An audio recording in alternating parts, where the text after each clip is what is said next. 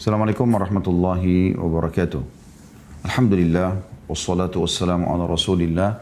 Segala puji dan puja kehadirat Allah subhanahu wa ta'ala. Juga salawat dan taslim kepada Nabi besar Muhammad sallallahu alaihi wa ala alihi wa sahbihi wasallam. Saudaraku seiman, setiap muslim punya kewajiban taubat dari dosa-dosanya. Dia meninggalkan pelanggaran-pelanggaran, kelalaian-kelalaian kepada hal yang baik. Dan tentu manusia tidak bisa luput dari kesalahan. Pasti. Kita semua pasti pernah melakukan kesalahan dan itu sudah dikatakan oleh Nabi Shallallahu Alaihi Wasallam. Semua anak Adam pasti berbuat kesalahan. Tapi sebaik-baik mereka adalah yang segera taubat. Taubat kepada Allah Subhanahu wa taala dengan cara berubah menjadi lebih baik dikenal dengan istilah hijrah. Dan ini yang kita bahas dari awal kitab ini yaitu kiat-kiat hijrah dari kemaksiatan kepada istiqamah. Dan saya sudah sering bahasakan dan saya ingatkan kembali teman-teman sekalian agar selalu ya dalam istiqamah ini atau hijrah ini 100%. Jangan setengah-setengah.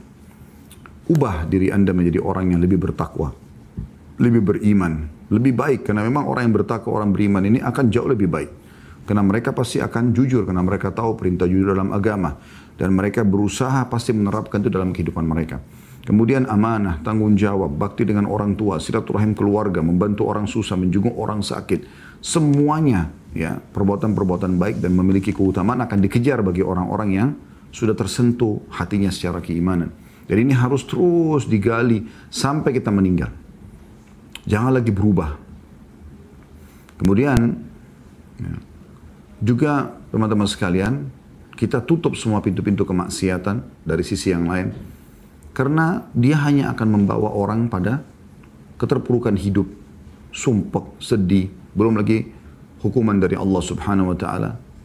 Jadi dia berusaha untuk menutup semua pintu itu, termasuk meninggalkan komunitas masa lalunya yang buruk, tontonan-tontonannya, ya, ya, bacaan-bacaannya dan seterusnya yang memang sifatnya bisa menjauhkan dia dari keimanan. Allahu a'lam. dan kita sudah membahas teman-teman sekalian uh, pada kesempatan yang lalu, apakah Anda berjanji kepada Allah untuk meninggalkan kemaksiatan? dan ini sudah kita jelaskan panjang lebar tentunya dan saya tidak mengulangi lagi ya, bagaimana seseorang berusaha untuk berjanji dengan Allah Subhanahu wa taala dengan penuh ketulusan dan tidak perlu mengikuti itu dengan nazar ya. Tidak perlu dengan nazar. Misalnya saya dengan bertaubat maka saya akan berpuasa. Kalau Allah mudahkan saya bertobat saya akan berpuasa tiga hari. Jadi nggak perlu. Jadi, udah Anda taubat kepada Allah Subhanahu Wa Taala. Setelah itu Anda lakukan ketaatan-ketaatan sebagaimana sudah panjang lebar kita paparkan pada pertemuan sebelumnya. Dan sekarang insya Allah kita akan masuk ke bab yang baru masalah mengerjakan kebajikan setelah keburukan. Ini kurang lebih yang saya singgung tadi di pembukaan kita. Teman-teman sekalian, sekarang harus mengubah semua pola yang dulunya kita bentuk pada saat masih lalai dan bermaksiat kepada Allah kepada pola sistem yang memang berbau ketaatan kepada Allah Subhanahu wa taala. Semuanya. Pola tidur, pola berbicara, pola makan, pola pergaulan, pola pendapatan, segala macam. Semua sekarang sudah harus diubah. Dan dalam berubah ini tidak perlu khawatir. Tidak perlu terpengaruh dengan perkataan orang. Kamu berubah ya? Kamu alim ya? Iya. Jawab. Gak masalah. Tidak ada sesuatu yang yang harus menjadi beban buat kita karena kita melakukan perbuatan tersebut. Berubah menjadi lebih baik adalah target utama hijrah. Ya, sebagaimana buku yang sedang kita bahas ini. Dan salah satu yang harus ditekankan oleh penulis, ya, atau ditekankan oleh penulis dalam masalah ini, salah satu yang harus diperhatikan adalah mengerjakan kebajikan. Sibuk dengan kebaikan-kebaikan setelah keburukan. Ya. Makanya uh, Ikrimah bin Abi Jahal radhiyallahu anhu. Abu Jahal ayahnya Fir'aunnya umat ini. Siapa yang tidak kenal Abu Jahal? Orang yang paling benci dengan Nabi SAW, benci dengan Islam sampai meninggal dalam keadaan kafir. Ya. Dipenggal lahirnya oleh Abdullah bin Mas'ud radhiyallahu anhu di perang Uhud, eh, di perang Badar, ya, di perang Badar tahun 2 Hijriah. Namun subhanallah, Allah berikan hidayah anaknya Ikrimah. Lalu Ikrimah pun pada saat masuk Islam setelah pembebasan kota Mekah oleh Nabi SAW, Beliau mengatakan setelah syahadat sambil memegang Al-Quran, beliau neteskan air mata mengatakan inilah perkataan Tuhanku yang aku lalaikan selama ini. Maka dia mengatakan ya Rasulullah, saya akan berinfak sejumlah dulu yang saya keluarkan pada saat saya memerangi anda dan Islam sebagai bentuk tebusannya. Maka dia pun melakukan itu sampai dia terbunuh mati syahid di perang Yarmuk. Ini luar biasa gitu. Bagaimana mereka tidak malu untuk berubah menjadi lebih baik dan bagaimana teman-teman sekalian dia pun ya, berusaha untuk menutupi kesalahan-kesalahan dan kelalaian dia yang lalu dan mengubah pola hidup dia secara totalitas. Karena memang orang hijrah akan berubah pasti. Pasti berubah, performanya berubah, tata cara bicaranya berubah, dia juga lebih hati-hati dalam ya, pergaulan, dalam pendapatan. Ya, sampai kita temukan banyak orang hijrah meninggalkan tempat kerjanya karena banyak kemaksiatan di situ. Dia meninggalkan komunitas yang mungkin dari kecil dia bersama-sama dengan mereka, meninggalkan grup-grup WA, meninggalkan medsos yang mengajak kepada kemaksiatan dan dia pindah kepada semua yang baik-baik. Karena kebenaran dan kebatilan akan terus saling bersaing sampai menjelang hari kiamat nanti. Saudaraku, ingat pesan ini. Selamatkan dirimu sebelum terlambat. Penyesalan selalu terakhir. Dan untuk menyelamatkan dirimu menjadi lebih baik dan selamat di dunia dan juga di akhirat ada di tanganmu, bukan di tangan orang lain. Saya hanya bisa ceramah, ya, menyampaikan seperti ini, teriak-teriak kadang-kadang, mengingatkan, menantangkan dalil Al-Quran, hadis, kisah-kisah. Tapi semua ada di tangan Anda. Anda yang menentukan itu. Ada orang subhanallah dengarkan pengajian begini hanya tersentuh bagus ya selesai. Habis itu dia tidak berubah. Tidak bermanfaat buat dia. Harus dia berubah dan berubah itu harus di tangan kita. Tangan Anda. Ya. Anda yang bisa menentukan untuk Anda mulai sholat, Anda mulai tutup aurat, Anda mulai meninggalkan riba, Anda mulai semuanya. Dan dengan itu Allah mengatakan walladzina jahadu fina lanahdiyannahum subulana. Orang-orang yang bermujahadah, yang berjihad, yang berusaha memaksakan diri menuju ke jalan-jalan kami, kami akan pandu dia ke jalan-jalan kami. Ya. Ini penting untuk di garis bawah. Saya akan bacakan apa yang ditulis oleh penulis di sini, mengerjakan kebajikan setelah keburukan. Kata beliau, tak kala anda saudaraku yang mulia terjerumus dalam kemaksiatan, segeralah iringi kemaksiatan itu dengan kebajikan-kebajikan. Ya, segera tinggalkan, kemudian menuju kepada kebajikan-kebajikan. Karena kebajikan dapat menghapuskan keburukan tersebut perbuatan amal soleh sekarang selain memang kita menunjukkan keseriusan kita kepada sang pencipta Allah dengan cara kita meninggalkan masa tersebut dan kita kerjakan kebaikan-kebaikan juga ternyata kebaikan tersebut bisa membersihkan dosa-dosa tadi sehingga tidak ada lagi hisapnya hari kiamat juga bisa saja Allah subhanahu wa ta'ala selamatkan dari hukuman-hukuman yang harus kena karena dosa tersebut karena dia mengganti dengan kebaikan-kebaikan. Perhatikan Abdullah bin Mas'ud radhiyallahu anhu sahabat Nabi yang mulia. Beliau berkata, "Anna rajulan asaba min imra'atin qublah. Fa'ata an-nabiy sallallahu alaihi wasallam fa akhbara فأنزل الله وأقم الصلاة طرفي النهار وزلفا من الليل إن الحسنات يذهبن السيئات فقال الرجل يا رسول الله ألي هذا قال لجميع أم لجميع أمتي كلهم bahwa seseorang laki-laki mencium seorang wanita, bukan istrinya. Terjadi ciuman yang haram. Lalu dia datang kepada Nabi SAW dan memberitahukan hal itu kepada beliau.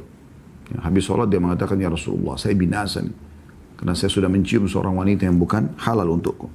Maka Allah menurunkan ayat ini yang artinya, dan dirikanlah sholat pada kedua ujung siang, pagi dan petang. Ya, subuh, ya, kemudian duhur adalah awal pagi, kemudian asar, maghrib dan isya itu di petang. Dan pada bagian permulaan malam, ya, bisa masuk sholat maghrib dan isya ataupun masuk dalamnya sholat malam, ya, tahajud. Ya, sungguhnya perbuatan-perbuatan baik itu akan menghapuskan dosa perbuatan-perbuatan buruk. Dari surah Hud ayat 114. Maka laki-laki tersebut bertanya, Wahai Rasulullah, apakah ini untukku saja? Ayat ini hanya turun untukku saja. Kata Nabi SAW, untuk umatku seluruhnya. Untuk umatku seluruhnya diriwayatkan Bukhari nomor 526 dan Muslim 2763. Hadis ini teman-teman menjelaskan sebab turunnya ayat surah Hud ayat 114 ini dan ayat ini sangat mulia. Sekali lagi Allah berikan karunia yang luar biasa.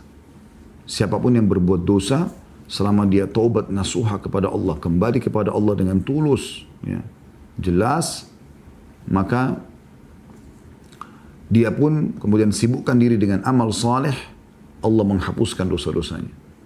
Ini karunia yang luar biasa gitu. Ya. Bahkan dalam salah satu ayat yang mulia, Allah Subhanahu wa taala mengatakan A'udzu billahi minasyaitonir rajim ulaika alladziina ulaika alladziina yubaddilullahu sayyi'atihim hasanat. Mereka adalah orang-orang yang Allah ganti dosa-dosa mereka menjadi pahala. Ya, diganti menjadi pahala. Jadi ini karunia yang luar biasa gitu. Dalam riwayat lain milik Imam Muslim, Ja'a rajulun ila Rasulillah sallallahu alaihi wasallam faqala ya Rasulullah إني عالجت امرأة في أقصى المدينة وإني أصبت منها ما دون أن أمسها فأنا هذا فقدي فيما شئت. فقال له عمر رضي الله عنه لقد سترك الله لو سترت نفسك. قال فلم يرد فلم يرد النبي صلى الله عليه وسلم شيئا. فقام الرجل فانطلق فأتبعه النبي صلى الله عليه وسلم رجلا دعاه. وتلا عليه هذه الآية وأقم الصلاة طرفي النهار وزلفا من الليل إن الحسنات يذهبن السيئات فقال رجل من القوم يا نبي الله هذا له خاصة قال بل للناس كافة Ada seorang laki-laki datang kepada Rasulullah SAW seraya berkata. Jadi ini mirip dengan kisah yang tadi ya. Tapi riwayatnya berbeda. Retorika penyampaian pun agak berbeda. Ada seorang laki-laki datang kepada Rasulullah SAW. Maksudnya retorika ceritanya ya alur ceritanya, tapi isinya sama. Ya. Penyampaian Nabi SAW tentang surah Hud ayat 114. Saya ulangi kembali, ada seorang laki-laki datang kepada Rasulullah SAW seraya berkata, Wahai Rasulullah, sungguhnya aku telah bercumbu dengan seorang wanita di pinggir kota Madinah. Dan aku telah melakukan sesuatu padanya tetapi tidak sampai menyetubuhinya. Ciuman, pegangan, pelukan, tapi tidak meletakkan kemaluan di kemaluan. Inilah aku, putuskanlah masalahku sesukamu. Maksudnya hukumlah aku sesuai dengan hukum Allah. Ya, orang ini merasa berdosa sekali, dia telah melanggar hukum Allah SWT karena dia bukan lampiaskan pada pasangan halalnya, maka dia pun mengatakan hukumi aku. Surah. Maka Umar bin Khattab berkata pada orang tersebut, sesungguhnya Allah telah menutupi dosamu. Atau tidak ada yang tahu ini kau lakukan. Maka seandainya kau menutupi dosamu tersebut, tentu lebih baik. Maksudnya tidak usah kamu ceritakan. Kenapa harus kamu sampaikan? Nabi SAW tidak menjawab sedikit pun pada saat itu. Dan ini biasanya karena Nabi SAW menunggu informasi dari langit, wahyu. Maka laki-laki itu berdiri dan pergi. Lalu Nabi SAW menyuruh seseorang mengikutinya dan memanggilnya kembali. Lalu beliau membacakan kepadanya ayat ini, surah Hud ayat 114 tadi ya. Yang artinya dan dirikanlah sholat pada kedua ujung siang, pagi dan petang dan pada bagian permulaan malam. Sesungguhnya perbuatan-perbuatan yang baik itu menghapus dosa-dosa atau perbuatan yang buruk. Lalu seorang pria di antara yang hadir berkata, atau bertanya, Wahai Nabi Allah, apakah ini khusus untuknya, baginya saja? Karena dia sudah bodoh lalu dia bertaubat di sini. Belum menjawab, tidak. Tetapi untuk manusia seluruhnya. untuk manusia seluruhnya. Ya. Dari dalil ini teman-teman menjelaskan. Yang pertama pelajarannya, bagaimana seseorang bisa terjerumus dalam kesalahan. Tapi dia jangan berlarut-larut dalam kesalahan tersebut. Artinya kalau dia sudah tahu dia terus dalam kesalahan, segera dia kembali kepada Allah subhanahu wa ta'ala. Tidak boleh dia biarkan terus menerus dia lalai. Ya. Udah terlanjur dia saya ciuman, terlanjur saya pelukan, udah saya lanjutin aja. Buat lagi dua kali, tiga kali dan seterusnya. Tidak. Pada saat dia, yang langkah awal yang harus dilakukan adalah pada saat dia terbuka peluang itu, dia tutup. Memang butuh mujahadah, butuh upaya, butuh perjuangan Beda orang yang meninggalkan zina dalam kondisi memang dia benar-benar ya uh, tidak punya peluang. Artinya tidak ada lawan jenis yang sedang menggoda dia, tidak ada peluangnya. Mungkin juga dia tidak ada duit miskin untuk membayar naudzubillah para pelacur-pelacur. Tidak ada. Dia tinggalkan karena memang tidak ada peluang dan dia tahu itu memang dilarang dalam agama. Beda ini kondisinya dengan orang yang sedang tergoda ada lawan jenis yang menggoda dia, ada peluang, dia punya harta banyak, dia bisa memanggil perempuan yang tidak benar. Tapi dia mujahadah, dia paksakan, ini pahalanya lebih besar. Ya. Makanya kata Nabi SAW, Inna idhamal ajri ma'idhabal bala, sesungguhnya besarnya pahala sesuai dengan besarnya cobaan. Walaupun hadith ini gambarannya lebih kepada cobaan sakit, gangguan orang dan segala macam, juga bisa masuk dalam masalah ini. Yaitu orang yang sedang bergelora syahwatnya, sedang ada peluang melakukan dosa lalu kemudian dia kontrol dirinya, dia tahan maka pahalanya lebih besar. Makanya dalam hadis yang lain kata Nabi SAW, ya, siapa yang menurunkan pandangnya dari haram, ada kesempatan dia tonton, ada kesempatan dia melihat, melirik dan segala macam. Tinggalkan maka Allah akan tanamkan kenikmatan iman pada hatinya sampai sampai menjelang hari kiamat. Ya, artinya kenikmatan itu akan dirasakan walaupun sudah hari kiamat. Subhanallah ya. Semoga Allah jadikan kita orang-orang yang seperti ini teman-teman sekalian. Kita menjaga diri dan menjaga hubungan baik kita dengan Allah SWT dengan tidak melakukan pelanggaran-pelanggaran. Dan kita lampiaskan pada yang halal. Ya, pada yang halal. Kemudian pelajaran yang lain adalah bagaimana ya, ikhlasnya dan niat baiknya sahabat ini. Walaupun di sini tidak disebutkan namanya. Karena dia sudah melakukan perbuatan dosa dan umumnya orang mukmin kalau melakukan perbuatan dosa akan muncul perasaan ini akan muncul perasaan-perasaan bersalah kepada Allah Subhanahu wa taala. Nah, ini adalah jembatan penyelamatan seseorang dari azab Allah. Awalnya itu adalah rasa takut, tapi kalau dia terjerumus, dia, dia tinggalkan maka dapat pahala. Kemudian kalau dia terjerumus, lalu kemudian ada penyesalan itu juga jembatan ya, untuk menyelamatkan diri. Kalau dia segera naik ke jembatan tersebut, dia kembali ke jalan Allah SWT dengan bertaubat, maka itulah yang terbaik yang dilakukan oleh para pelanggar-pelanggar ini. Nah, ini sering kali terjadi di zaman Nabi alaihi salatu wassalam. Sering kali terjadi masalah ini. Di antaranya sahabat ini. Riwayat yang pertama tadi mencium seorang wanita yang bukan mahramnya di pinggir Madinah. Riwayat yang kedua melakukan lebih daripada itu. Tapi tidak sampai berzina. Nah, ini kan semua masih masuk dalam dosa-dosa kecil ya. Kalau sudah sampai meletakkan kembalan di kembalan berarti sudah dosa besar. Lalu ya yang ketiga kita bisa melihat dari hadis bagaimana firman Allah SWT turun karena kasus sahabat ini. Ya. Dan ini firman Allah SWT ditekankan dan dirikanlah solat ya, di pertengahan pagi dan petang dan juga permulaan malam karena sesungguhnya semua perbuatan baik baik sholat ataupun yang lainnya pasti akan menghilangkan dosa-dosa. Ya. Juga sabda Nabi SAW penulis mengangkat dalil yang ketiga Inna Allah la yamhus sayyi'a bis sayyi walakin yamhus sayyi'a bil hasan. Kata Nabi SAW, sungguhnya Allah tidak menghapus keburukan dengan keburukan. Tetapi Allah akan menghapus keburukan dengan kebaikan. Diriwayatkan oleh Imam Ahmad jilid 1 halaman 387. Jadi bukan dengan dari karaoke ke karaoke lagi, bukan dari mabuk ke mabuk, bukan dari zina ke zina. Kemudian dia berharap mengatakan Allah akan Allah maha pengampun, nggak bisa begitu. Harus dari dosa pelanggaran kepada kebaikan, itu baru benar. Dari perbuatan salah, dia langsung alihkan dirinya, menutup diri, ya. Ada pernah informasi yang sampai kepada kami juga seperti itu. Ada orang-orang Masya Allah terus dalam dosa. Lalu kemudian dia segera taubat, takut kepada Allah SWT. Dia tinggalkan, dia blokir, dia tutup semua peluang-peluang untuk mengulangi. Lalu kemudian dia menuju kepada yang halal. Maka Allah pun memberikan dia kebaikan. Pasti Allah berikan kebaikan. Orang tinggalkan zina, maka Allah berikan pasangan yang halal. Ya, Allah uh, orang tinggalkan pekerjaan atau pendapatan haram, pekerjaan yang haram, Allah gantikan pendapatan yang halal dan seterusnya.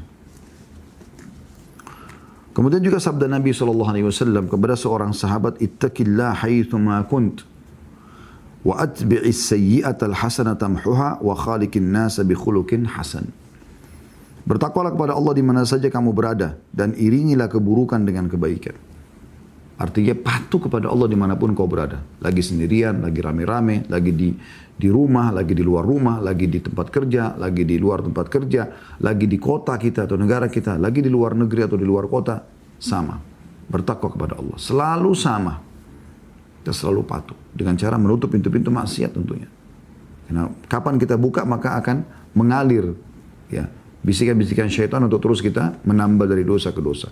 Sekali kita tonton film porno, kita akan terus terkorek untuk itu. Sekali kita lihat foto, terus sudah begitu. Oleh karena itu, semoga Allah maafkan masa-masa lalu. Kita berhenti. Kita berhenti. Sekali kita buka pintu mencoba rokok, khamar, narkotika, akan terus. Syaitan tidak akan tinggal diam. Terbuka peluang dia, kesempatan dia untuk menyerang kita. Ibarat orang yang berperang, duel satu sama yang lain, setan sama kita sedang duel, maka beda sekali kalau kita punya tameng yang kuat. Kita letakkan pedang dan perisai kita di hadapan kita sehingga setiap serangan kita bisa tangkis, kita juga bisa menyerang dia. Karena kita selalu beribadah. Nah orang yang beribadah seperti itu, orang yang terus menyerang syaitan. Syaitan kewalahan. Gitu kan. Makin khusyuk, makin ikhlas, makin kalah syaitannya. Gitu kan. Tapi kapan seseorang itu melakukan kemaksiatan, ibaratnya seperti dia meletakkan pedangnya, meletakkan perisai, lalu membuka baju, ya besinya, dan dia membiarkan setan leluasa untuk menusuk di mana pun tubuh dia yang dia inginkan. Mungkin pada saat mau ditusuk bagian dada, cuma kena coretan atau kena tusukan sedikit. Syaitan tidak akan diam, dia akan tusuk perut, dia akan tusuk paha, dia akan tusuk leher kalau perlu dia mematikan. Ya, begitulah dia terus meracuni anak Adam yang membuka pintu-pintu dosa dan tidak mau berhenti. Berhenti, saudaraku. Dan sering saya bahasakan, kita punya sumber yang halal. Kita punya sumber yang halal. Makanan yang haram kita ganti dengan makanan yang halal minuman yang haram kita ganti dengan minuman yang halal. Biologis yang haram kita ganti dengan biologis yang halal. Ya. Pekerjaan pendapatan yang haram kita ganti dengan pendapatan yang halal. Semuanya ada penggantinya kok, bukan tidak ada. Tinggal Anda mau atau tidak. Dan ingat, sekali lagi saya ulangi, yang akan dihisap oleh Allah Anda sendiri. Dan yang bisa berubah hanya di tangan Anda sendiri. Anda yang tentukan. Bukan kami, bukan siapa-siapa. Dan jangan pernah mengharap berharap teman-teman sekalian tangan turun dari langit memberhentikan kita dari kemaksiatan. Itu tidak akan mungkin terjadi. Allah sudah turunkan kitabnya, Al-Quran yang sempurna, yang mulia. Allah juga mengutus Nabi Muhammad SAW dari manusia yang terbaik, jalur nasabnya, ilmunya, fisiknya, ketakwaannya kepada Allah, maka kita tinggal ikuti saja. Yang mengikuti jalur dan alur orang-orang beriman, maka dia akan bersama mereka. Yang mengikuti alur orang-orang fasik, orang kafir, maka akan sama dengan mereka. Allah mengatakan walan tajida di sunnatillahi tabdila dan kalian tidak akan pernah menemukan perubahan dari sistem yang sudah Allah buat itu. Mengikuti orang-orang baik kita akan sama. Mirip rasionalnya. Anda kalau sedang kuliah atau sedang sekolah, Anda ikut e, bergabung dengan orang-orang yang berprestasi, Anda akan sama dengan mereka. Anda berbaur dengan orang-orang yang buruk, maka Anda akan sama dengan mereka. Yang malas, yang tidak lurus akan sama dengan mereka. Ya. Kemudian kata Nabi SAW, dan ikutilah dosa-dosa dengan kebaikan-kebaikan. Artinya bukan buat dosa lalu buat pahala lagi, buat dosa bukan begitu maksudnya. Yang maksudnya lebih tepat adalah kalau kau pernah buat dosa sekarang tutupin ganti dengan amal-amal soleh, ya ganti dengan amal-amal soleh, maka akan membersihkan kesalahan-kesalahan tersebut. Kemudian wa khaliqin nasa bi khuluqin hasan dan bergaulah dengan manusia dengan akhlak yang baik, dengan akhlak yang baik. Ya, ini yang diperintahkan Nabi SAW dan kita tahu dalam hadis yang lain tidak ada sesuatu kata Nabi SAW yang lebih berat ditimbangan amal seseorang hamba dibandingkan akhlak yang mulia. Hadis ini riwayat Ahmad jilid 5 halaman 153 Tirmidzi nomor 1987 dan beliau berkata hadis ini hasan sahih. Juga Nabi SAW membuat perumpamaan untuk hal itu. Beliau bersabda. Ini dalil yang selanjutnya. Inna mathala alladhi ya'malu sayyiati thumma ya'malu al-hasanat kamathali rajulin kanat alihi dir'un dayyiqatun qad khanaqathu thumma amila hasanatan fanfaq فانفكت حلقه ثم عمل أخرى فانفكت الأخرى حتى يخرج إلى الأرض Ini perumpamaan dari Nabi SAW. Beliau mengatakan perumpamaan orang yang melakukan amal keburukan, kemudian melakukan amal kebajikan adalah seperti seseorang yang memakai baju besi yang sempit dan mencekiknya Kemudian dia melakukan amal kebajikan. Lalu terlepas salah satu lingkaran besi. Kemudian dia melakukan kebajikan lainnya. Lalu terlepaslah satu lingkaran besi lainnya. Sehingga dia keluar, dapat keluar ke bumi atau leluasa. Ya. Hadis ini diriwayatkan Tabarani dari hadis Uqbah bin Amir radhiyallahu anhu. Hadis ini pekah sekali ya. Perhatikan Nabi SAW menggambarkan perumpamaan orang yang melakukan amal buruk, ya, kemudian melakukan amal kebaikan seperti orang yang memakai baju besi yang sempit dan mencekik. Maksudnya apa? Orang yang buat dosa itu pasti begitu keadaannya. Sumpek, suntuk, sering sedih, banyak masalah yang dihadapi. Itu karena dosa. Orang beriman subhanallah walaupun miskin, walaupun sakitnya parah, tenang aja selalu. Karena tidak melakukan kesalahan. Kesalahan itu teman-teman membuat orang ketakutan sendiri. Nggak ada ketenangan jiwa. Kita akan temukan di raut wajah mereka sumpek, sedih, gangguan, dan segala macam hal. Yang membuat dia tidak tenang sebenarnya. Yang membuat dia tidak tenang. Ya.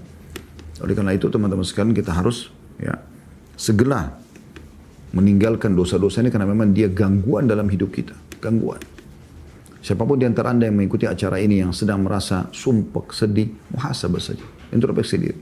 Dosa apa yang anda lakukan? Ya. Dari dosa-dosa itulah ya, yang menjadi penyebab sumpek sekarang. Coba tinggalkan dosa itu dan taubat nasuha anda akan rasakan ketenangan jiwa.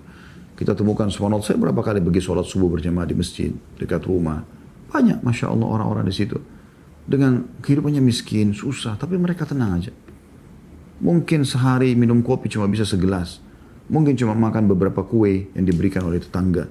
Miskin, tapi tenang hidupnya. Karena dia tidak lakukan dosa. Ada orang yang kaya raya, mungkin tinggal di wilayah yang paling mewah di Indonesia.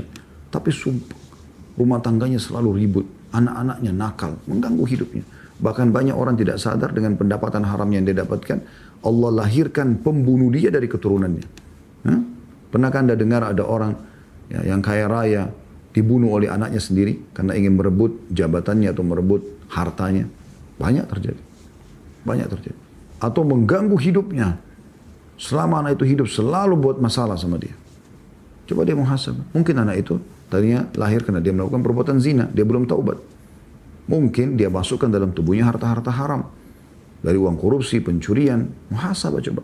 Coba berhentikan dan taubat dari itu. Akan baik anak itu. Dengan izin Allah subhanahu wa ta'ala akan baik hubungan suami istri kalau anda betul-betul menjaga hubungan dengan Allah. Betul-betul langgeng teman-teman sekalian. Betul-betul nyaman kehidupan rumah tangga kalau kita jauhi kemaksiatan itu. Akan nyaman. Pekerjaan kita akan nyaman, diberkahi. Allah datangkan rezeki dari tempat kita tidak sangka-sangka.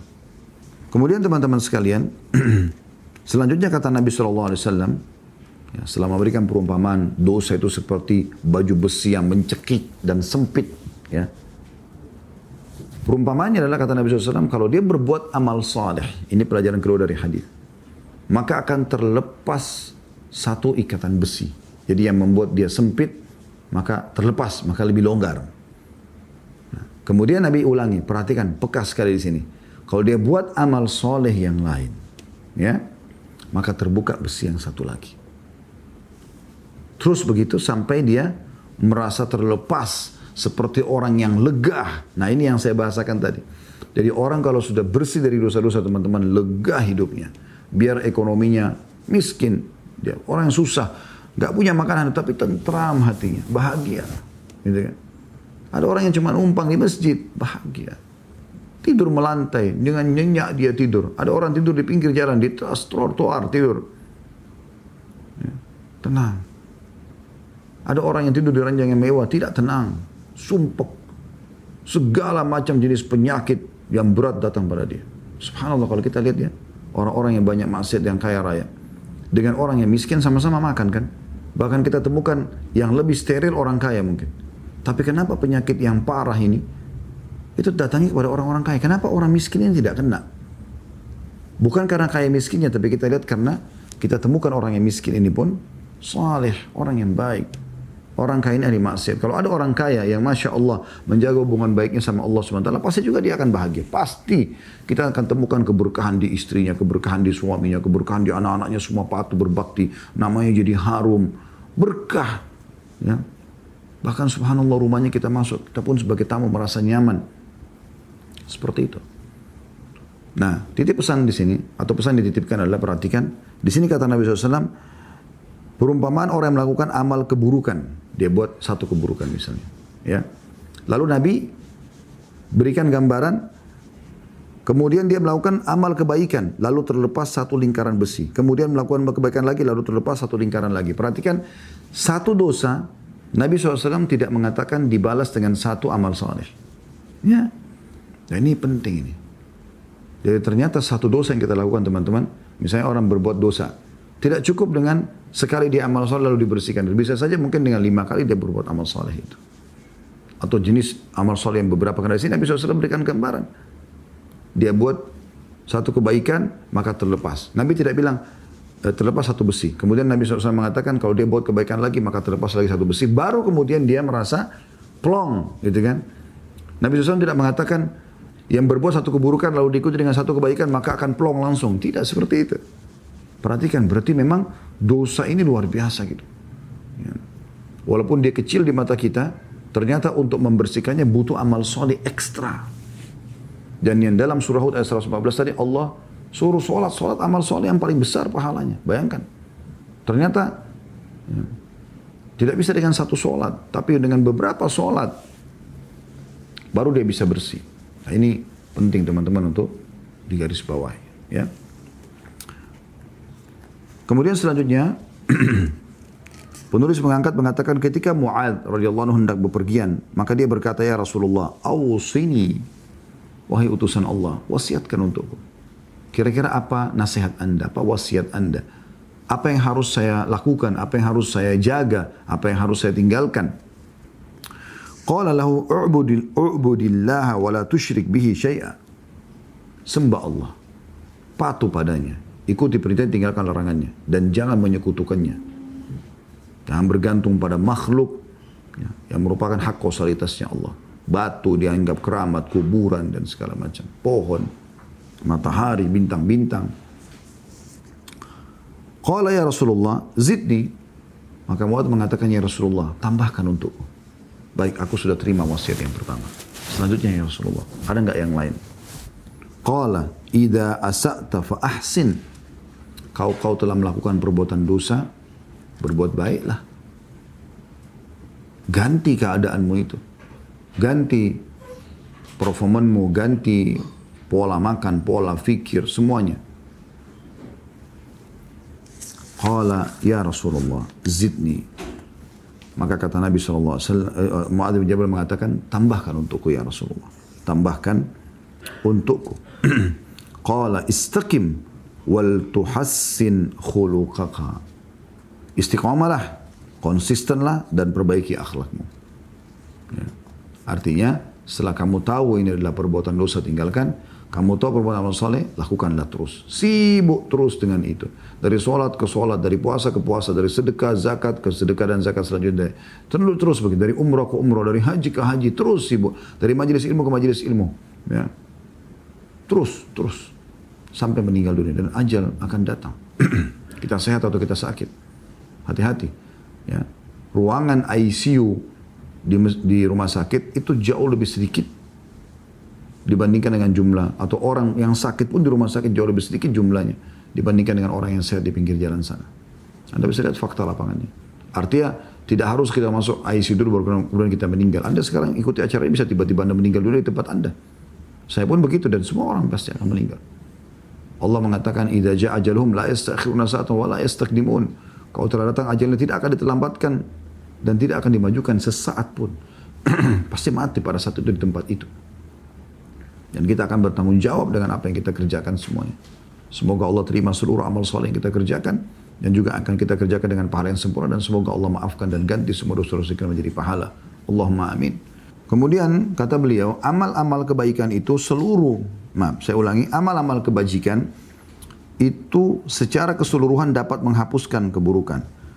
Terdapat anjuran untuk berwudu dan sholat setelah melakukan perbuatan dosa. Ya. Jadi yang paling awal dianjurkan sekali setelah berbuat dosa adalah wudu lalu sholat. Sesuai dengan tadi surah Hud ayat 114 ya. Wa akimi akimi sholat atau rafa'in nahari wa wa zulafa minal lail dan dirikanlah sholat pada pertema, per, awal pagi dan petang serta permulaan, malam ya.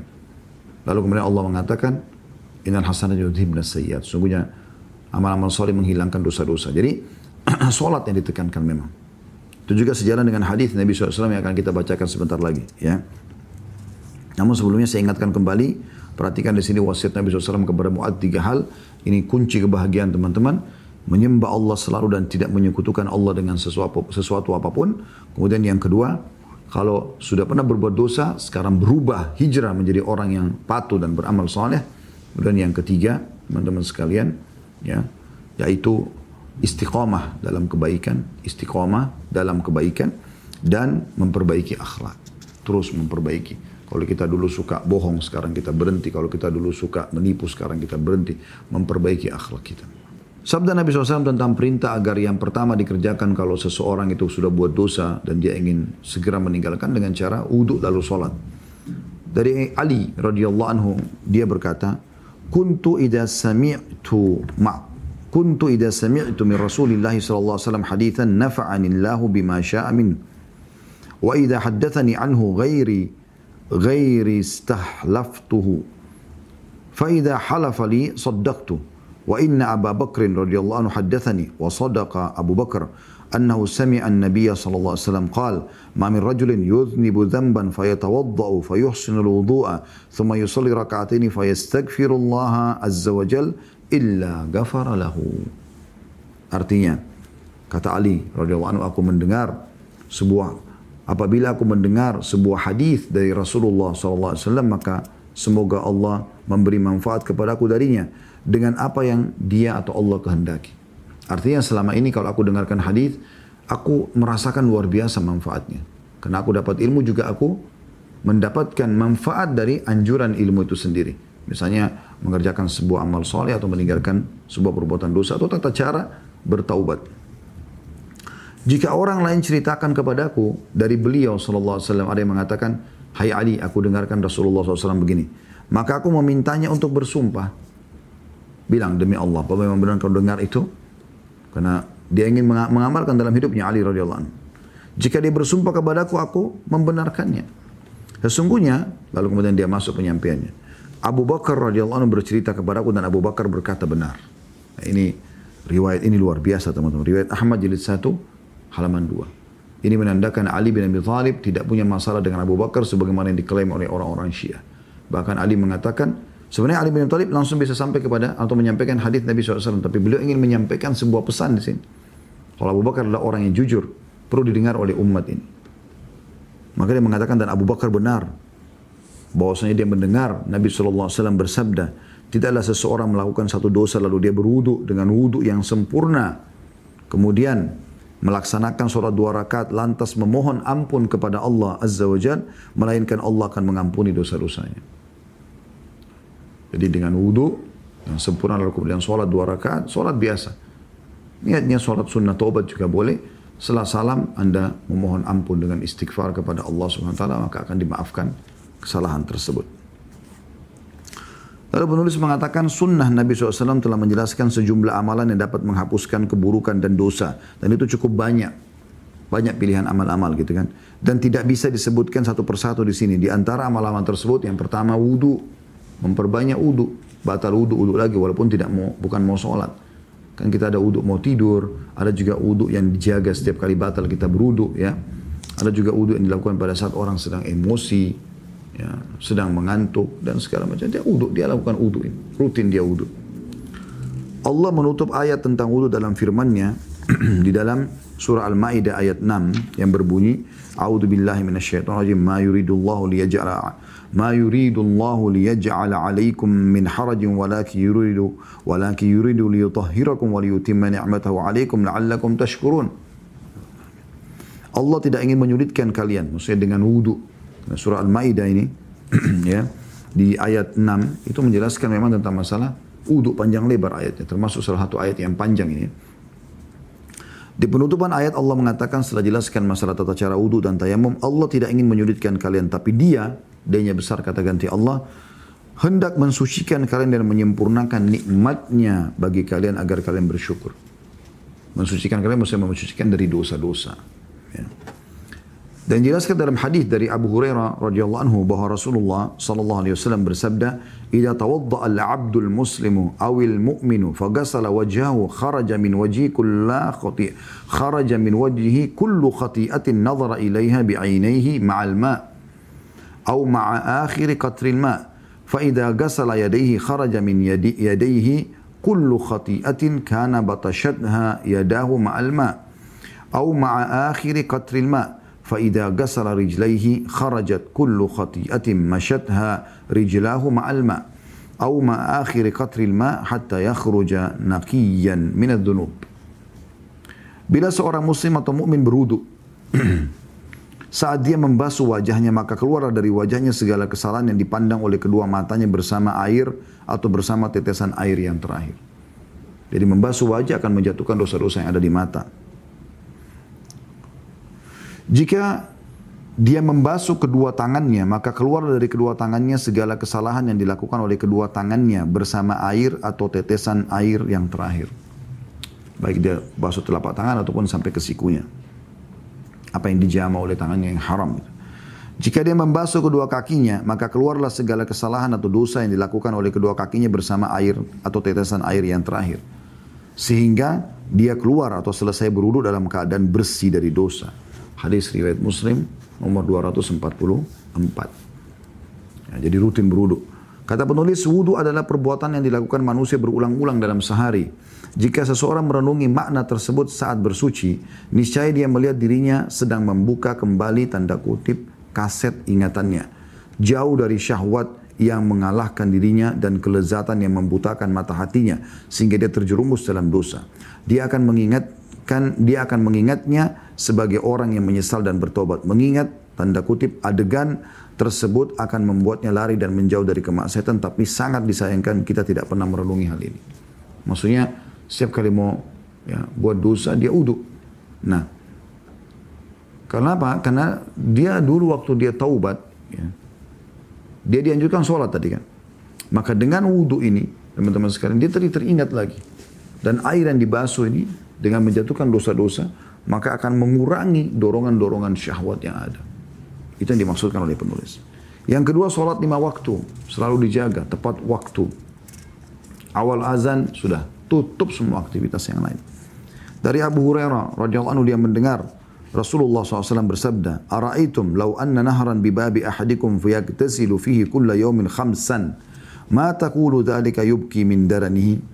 Qalu la yabqa min daranihi syai'. Qala fadhalika mithlu as-salawatil khams yamhu Allahu bihi al-khataya. Apa pendapat kalian seandainya ada sungai di depan rumah salah seorang dari kalian, di mana dia mandi di dalamnya lima kali setiap hari? Apakah menurut kalian hal itu menyisakan kotoran yang melekat padanya? Para sahabat menjawab, tidak ada yang tersisa dari kotoran kotorannya sedikit pun. Beliau menjawab, itulah perumpamaan solat lima waktu yang dengannya Allah menghapuskan kesalahan-kesalahan. Ya. Ini contoh amal yang lain. Contoh amal yang lain. Bagaimana sholat itu digambarkan oleh baginda Nabi SAW ibaratnya seperti sungai yang mengalir dengan deras. Lalu kata Nabi SAW, kalian mandi. Ini beliau berkata kepada para sahabatnya, kalian mandi sehari lima kali. Ada nggak tersisa kotoran di tubuhnya? Kita kalau mandi sehari dua kali sudah bersih. Tiga kali sudah bersih. Bagaimana kalau lima kali? Setelah itu mandi di sungai yang mengalir dengan deras. Sehingga seluruh tubuh kena air itu. Kita pakai shower aja dengan deras kita sudah rasakan bagaimana ya, bersihnya tubuh itu. Maka kata para sahabat tentu tidak ada kotoran di badannya ya Rasulullah. Sehari lima kali mandi. Maka ini retorik yang Nabi SAW lakukan untuk menarik perhatian. Jadwur intibah, menarik perhatian para audiens agar menyadari ada sesuatu yang penting ini yang disampaikan. Maka Nabi SAW setelah mereka akui memang mandi sehari lima kali itu akan membersihkan tubuh dan tidak akan ada kotoran lagi, maka Nabi SAW mengatakan itulah perumpamaan lima waktu sholat. Jadi Nabi SAW tidak langsung sampaikan, sholat lima waktu akan membersihkan dosa. Retorikanya Nabi gunakan yang lain. Memberikan dulu secara akal ditangkap. Oh iya ternyata kalau mandi sehari lima kali nggak mungkin ada kotoran. Dan mereka itu rasional. Maka Nabi mengatakan itu perumpamaan lima waktu sholat. Setiap kali sholat bersih dosanya.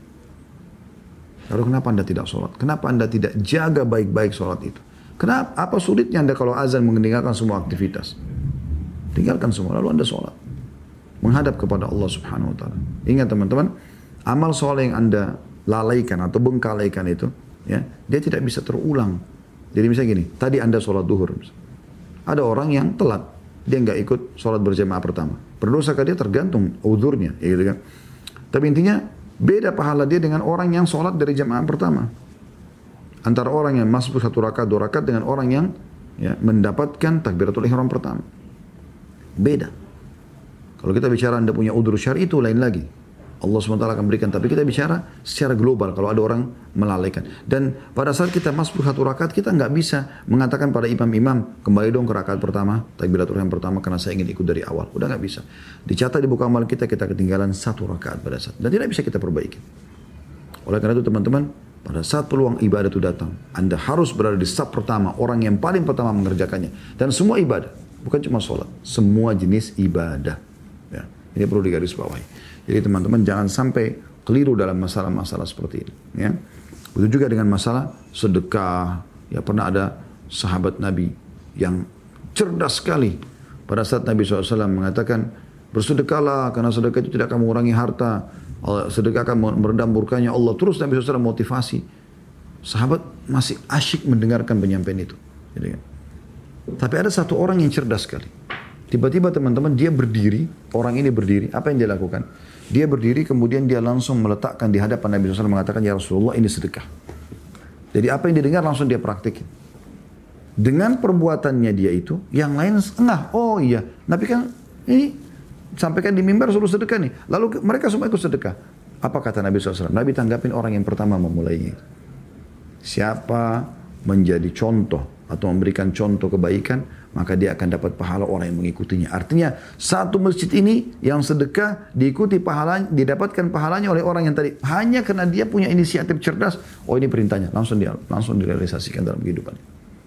Dan bukan cuma itu, Anda pun dan saya sekarang mendengarkan hadis ini, kapan kita praktikin, sahabat tadi mendapatkan pahala yang terus non-stop. Itu kan luar biasa teman-teman. Ya, itu luar biasa. Segera. Lalu kata Nabi SAW, dan siapa yang memberikan contoh keburukan, maka dia akan panen dosa orang yang mengikutinya. Dan keduanya ini, ya, orang yang mengikuti kebaikan dan orang yang mengikuti keburukan, tidak dikurangi dari sedikit pun dari pahala orang yang sedang mengikuti kebaikan dan tidak dikurangi sedikit pun dari dosa orang yang mengikuti keburukan. Maka segera teman-teman sekalian, segera. Amal soleh itu indah, iman itu indah. Tinggal bagaimana kita memperhatikan dalam hidup kita saja. Allahu a'lam.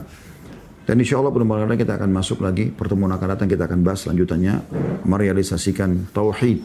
Insya Allah